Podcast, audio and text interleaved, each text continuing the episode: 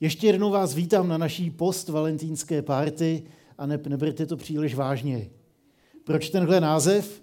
Protože jsem si říkal, že není úplně ideální pozvat na valentínskou párty třeba lidi, kteří, kteří nemají partnera, nebo lidi, kteří prostě na Valentína nevěří, lidi, kteří ten svátek nemají rádi. A spoustu lidí ho nemá rádo právě kvůli tomu komerčnímu šílenství, který se rozpoutalo v uplynulém měsíci a vyvrcholilo minulý týden. Takže neberte vůbec vážně to šílenství, které se odehrávalo. Díky bohu teď už je potom, teď už, teď už se jenom obchodníci užívají, ale berte vážně lásku, o který je tady ten svátek. Kontrolní otázka, kdo to ve čtvrtek slavil. Někdo to totiž miluje, někdo to nenávidí, někdo se pořád nemůže rozhodnout, kam s ním, taková nerudovská otázka, kam s ním, s tím Valentínem. A tak jsou různé podoby toho, jak se člověk může k tomu svátku postavit. Někdo se raduje z toho, že našel zpřízněnou duši, někdo se raduje z toho, že slavují zamilovanost, někdo prostě nějaký zvláštní den, někdo vyznává své city vůči druhé osobě, Květináři, cukráři, zlatníci a prodejci spodňárů mají žně. A díky církvi taky vznikla zajímavá iniciativa Národní týden manželství. Vzniklo to v Británii v roce 1997, v roce 2006 se to dostalo do Čech a od té doby je vlastně týden věnovaný podpoře manželství. V České republice jsou nějaké manželské večery, přednášky, velice zajímavá iniciativa. Ale s váma se chci podívat dneska společně na datum minulé, a totiž 14. února. Valentín je totiž spojován s překomercionalizovaným svátkem odkud z Ameriky, ale ono to není až tak úplně pravda, protože jeho kořeny jsou ryze evropské. Valentín byl římský kněz, který byl popraven 14. února roku 269. Takže to hodně starý příběh. Byl to člověk, který žil podle lásky, se kterou se setkal v Ježíši Kristu. A tak já se chci společně s váma podívat pod ten komerční povrch, protože pod ním se skrývá zajímavý a hezký příběh. V době Valentína panoval císař Claudius II., který věřil, že muži podávají v armádě lepší výkony, když jsou svobodní než ženatí. A tak proto mladým mužům zakazoval vstupovat do manželství. A tady přišel na scénu náš rebel, kněz Valentín, který přes zákaz oddával mladé muže. Dělal tajné svatby, zvistoval evangelium, navzdory tomu, že to nebylo populární v římské říši. Protože císař věděl, že císař nevěděl, císař věřil, že císař věřil, že ti ženatí muži podávají horší výkony, tak zakazoval. Přesto Valentín zamilované tajně se zdával. A odtud může pramenit ten vztah k svátku zamilovaných. Za to a především za to, jakým způsobem Valentín prožíval a aplikoval víru, byl předveden před císaře, aby se zodpovídal ze všeho, co konal a za svůj vztah k Bohu. Císař později Valentína předal náměstkovi, ten ho předal soudci Asteriovi, aby tam zůstal u něj ve vazbě, dokud se nerozhodnou, co s ním. A Valentín co dělá křesťan ve vězení, se začal modlit. Začal se modlit za toho soudce, který ho uvěznil, začal se modlit za to, aby on mohl uvěřit, aby, aby Bůh požehnal i jemu a uváděl tak v praxi i to Ježíšovo slovo milujte své nepřátele. Ten soudce později přišel a chtěl Valentína vyzkoušet a tak říkal, jestli tvoje bohové vrátí zrak mojí dceři, tak budu věřit tomu a budu poslouchat tomu, co říkáš. Tak Valentín se skutečně modlil za jeho slepou dceru a ta opět uzřela světlo Později Asterius celou rodinou uvěřil a požádal Valentína o křest. Zprávy o uzdravení slepé holčičky se ale roznesly po celém městě a to se znelíbilo spoustě lidí, kteří zaútočili na soudcův dům. Valentína vyvlekli ven, stloukli ho a na flaminijské cestě ho stěli mečem. Zajímavý příběh. Byl to prostě rebel, Valentín. Kázal evangelium, který přemáhlo lidský srdce, křtil na vyznání víry navzdory římskému panteonu a oddával zamilované, přestože tím vědomě šel proti armádě. Společným jádrem toho, o čem všem mluvím, toho zkomercionalizovaného svátku, tady toho Valentinova příběhu a toho, co ještě budu říkat, je láska. A když se zeptáte lidí, co to je láska, tak dostanete nejrůznější odpovědi. Nás je tady zhruba 30, takže kdybych se vás každýho jednoho zeptal, tak očekávám 45 různých odpovědí na to, co to láska je. Někdo v tom vidí krásu, někdo zlo, někdo pocit, někdo spojení s druhým člověkem. A tady to se nezměnilo za mnoho tisíc let. Už starý řecký básník, filozof a historik Plutarchos o lásce říkal, že jedni nazývají lásku nemocí, druzí touhou, jiní šílenstvím, jiní jakýmsi božským a démonským otřesem duše, jiní přímo božstvem. Lásku ale vlastnit nemůžeme, nemůžeme ji uměle vyvolat, nemůžeme si ji ani podržet, nemůžeme ji ani koupit. I když slavný spisovatel George Bernard psal o způsobu, jakým si můžete za peníze pořídit lásku, když si koupíte psa. Lásku vlastnit nemůžeme, ale bez ní nejde žít. Bez lásky jenom přežíváme. Láska je pro nás stejně důležitá jako vzduch, který dýcháme, vodu, kterou pijeme, nebo jídlo, které jíme. Láska z nás dělá víc lidské bytosti, dostává z nás to nejlepší, co v nás je a je silou, která nás probouzí k životu. Probouzí nás k životu a dává nám sílu milovat a žít tady pro víc, než jenom sám pro sebe. Ukazuje nám druhého člověka. A proto milovat je velké přikázání Bible, jak Boha, tak člověka. Možná právě proto Erich Maria Remark napsal, že člověk bez lásky je jen mrtvola na dovolené. Dneska ale nebudu mluvit ani o lásce k psovi, ani o lásce rodičovské, ani o lásce manželské. Na to byly jiná fóra. Dneska se chci podívat na lásku, která je větší než láska k nějaké věci nebo k nějaké osobě. Chci mluvit o boží lásce, která změnila Valentínův život. A to takovým způsobem, že mu podřídil všechno, co dělal. A co víc, ta stejná boží láska je tady i dnes a dodnes mění lidské životy a může proměnit i ten váš. Co teda láska je, co o ní můžeme říct? Když si položíme tuhle otázku, tak zjistíme, že nám najednou jaksi dochází slova, že najednou lapáme po dechu, protože stojíme před čímsi posvácným. A z jisté části máme pravdu.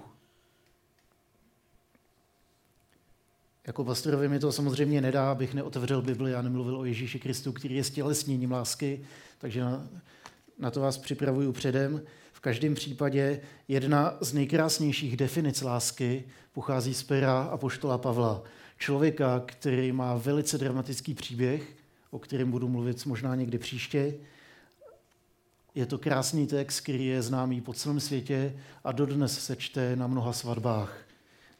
A kamarádi mě požádali, abych je oddávala na začátku května, takže nejspíš použiju ten samý text, takže na vás si to tak trošku nacvičím, jak se to čte. Láska je trpělivá, je laskavá, láska nezávidí, láska se nevychloubá ani nepovyšuje, není hrubá, nehledá svůj prospěch, není vznětlivá, nepočítá křivdy, není škodolivá, ale raduje se z pravdy. Všechno snáší, všemu věří, vždycky doufá, všechno vydrží. Láska nikdy neskončí. Krásná slova. Než se k tomu dostaneme, tak učiním pár troufalých tvrzení o tom, co láska není. Pak zkusím říct, co láska je. Láska nejsou emoce, ty jsou totiž nestále a přelétavé. Láska není ani sexuální vztah dvou lidí, přestože se nám to dnešní společnost snaží namluvit. Láska není jenom o dvou lidech, týká se veškerých našich vztahů. Láska není ani zamilovanost, ta taky přichází a odchází, poblouzní mysl a nevyhne se nikomu. Láska není něco, co my produkujeme, protože toho nejsme schopni. A láska nemusí být něco abstraktního a nehmatatelného, protože může dostat zcela konkrétní rysy toho, když se podíváme na boží vztah k člověku. Bible je mnohem pragmatičtější, když píše o lásce a o tom, jak to může vypadat. Může to vzít velmi z gruntu, když řekne, jde o to myslet to s druhým člověkem dobře. Dále říká, že Bůh je láska. Ne, že láska je Bůh, to bychom to otočili a se abstraktnili, ale že Bůh je láska. Jde o osobu, ne o věc. Jde o osobu, ne o nějakou neosobní sílu. O osobu, která se k nám sklání a vydává se za nás, kvůli nám. A vyzývá nás, aby jsme tak žili i pro druhý. Vyzývá nás, protože Bůh nás má rád. Nehledí na naší minulost, s tou se vypořádal kdysi dávno na kříži, ale otevírá nám budoucnost. Díky Kristu můžeme překročit břemeno našich minulostí a všeho, co nás z minulosti tíží, aby jsme mohli vkročit do budoucnosti, kterou nám píše sám Bůh. A vkročit do vztahu, který přemáhá nás sebe, způsobem, že já sám zapomínám na sebe a druhý člověk je mi přednější. Jeden z mých dobrých přátel říkal, že tady ten krásný text o lásce je občas dobré namířit proti sobě. Já si s dovolením půjčím jendu, takhle na ní ukážu a řeknu ty, protože když to dělám, tak třema prstama ukazuju na sebe. Namířme to na sebe a místo slova láska tam dodejme svoje jméno. Takže jsem trpělivý, jsem laskavý, nehněvám se, opravdu, nezávidím, nepokládám sám sebe za nejdůležitějšího člověka na světě. Můžete si pak přečíst celý ten, celý ten text v 1. Korinským 13. Velmi pokořující. To, že nám ukazuje dvě věci. Ukazuje nám něco, co nemáme, něco, co můžeme mít a je to krásné zaslíbení, je to popis toho, co Bůh svojí láskou produkuje v nás. Ukazuje to, co nám chybí a otevírá nám to, co Bůh nám chce dávat může a chce co v nás udělat. Láska je rozpínavá, protože náš pohled rozšiřuje země na druhého člověka a nejenom na druhého člověka, ale na všechny lidi. A proto, když se zamyslíme nad spoustou náboženství, tak ty říkají miluj, křesťanství taky říká miluj, ale ono to jaksi nejde z vlastní síly. Já se můžu teď rozhodnout, že od teďka už budu hodný člověk, už budu trpělivý, laskavý, nebudu závidět, budu milý ke všem a budu pokládat druhého člověka za přednějšího sám sebe? Jak myslíte, že to dopadne? Ono to jde blbě, že jo? Si dám tady to krásný předsevzetí, ušlechtilý cíl, jenže ono se vždycky najde nějaký hovado, obzvlášť když řídíte, stačí projet autem centrum a víme, na čem jsme. Chybí nám moc žít podle toho, k čemu nás láska volá. Láska není produktem naší snahy, je něčím, do čeho můžeme vstoupit. Láska je následkem životadárného setkání s Ježíšem.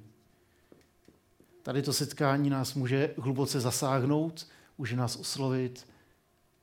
Občas může projít jenom jako emoce kolem nás. A občas může zasáhnout naše srdce takovým způsobem, že říká, tady to je smysl života, já do toho chci vstoupit. A to je, když pán Bůh ťuká na dveře našeho srdce a říká, já chci vstoupit do toho tvého. Když se toho chytíme vírou, když dovolíme lásce vstoupit do svého života a necháme, ať nás vede, tak se pak stává tou život proměňující silou. Život proměňující silou a mocí, která z nás dělá víc trpělivé, laskavé, nezávidící lidi, kteří, je tady krásný závěr, všechno snáší, všemu věří, vždycky doufá, všechno vydrží, láska nikdy neskončí. Tady ty, tady ty slova jsem si říkal, není to hrozně naivní, že říká, eh, všemu věří, všemu doufá. Pak jsem si uvědomil, že láska není něco abstraktního, ale že vždycky je to o vztahu k druhému člověku. Já věřím všemu nejlepšímu ve vás. Když vás miluju, tak chci vidět to nejlepší ve vás. Všechno doufá, to znamená, že doufám ve všechno nejlepší pro vás. Doufám ve všechno nejlepší pro druhého člověka všechno obstojí, všechno snáší. Občas je pro vztah mnohem důležitější, než vyhrát nějakou hádku, prostě obstát, i když se to sype na mou hlavu. Taková láska je dědictvím, které přetrvává To je ta láska, která nikdy nekončí.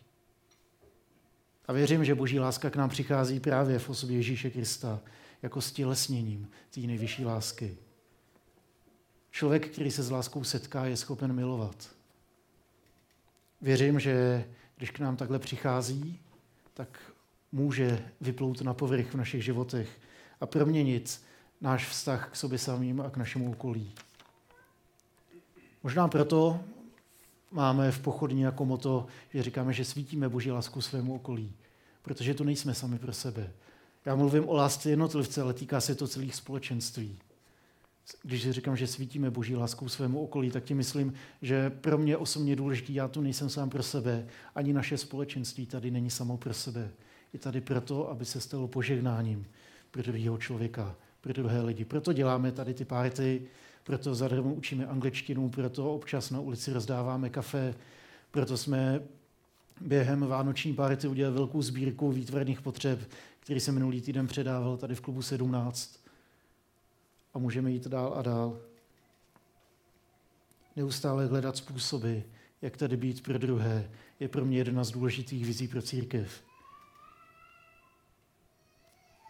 Možná vám tady to nic neříká, možná vás to nějakým způsobem oslovuje, možná si říkáte, že potřebujeme se setkat s láskou. Ta příležitost je tady vždycky. Má jméno Ježíš. A kdokoliv z našeho týmu je ochotný a připravený se s váma pobavit o čemkoliv, co by vás zajímalo. Mě to jako pastorovi nedá říct, že prostě tady to je boží láska. Stává se člověkem, přichází mezi nás, vydává sebe sama za druhé. A v církvi, navzdory všemu, co špatného se o ní píše, navzdory všem skandálům, který souvisejí ať už s ukradenýma financema, ať už se sexuálním zneužíváním, ať už s temnou historií křížových válek a inkvizicí, tak pořád věřím v církev, protože ona je pokračováním Kristova příběhu. Je plná lidského selhání, ano, ale zároveň se stává společenstvím, ve kterým pokračuje boží příběh mezi námi. Neříkám, že já jsem dokonalej, nikdy tady nebudu, nebudu dokonalý nikdy, ani si to nemyslím. Doufám a věřím, že Bůh je ten, kdo ze mě dělá lepšího člověka. A tady to přání mám pro každého z nás, protože můj čas se už naplnil, tak zakončím přáním.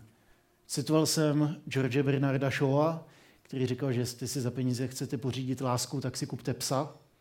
Spokojte se s něčím mnohem větším. Nespokojte se s málem.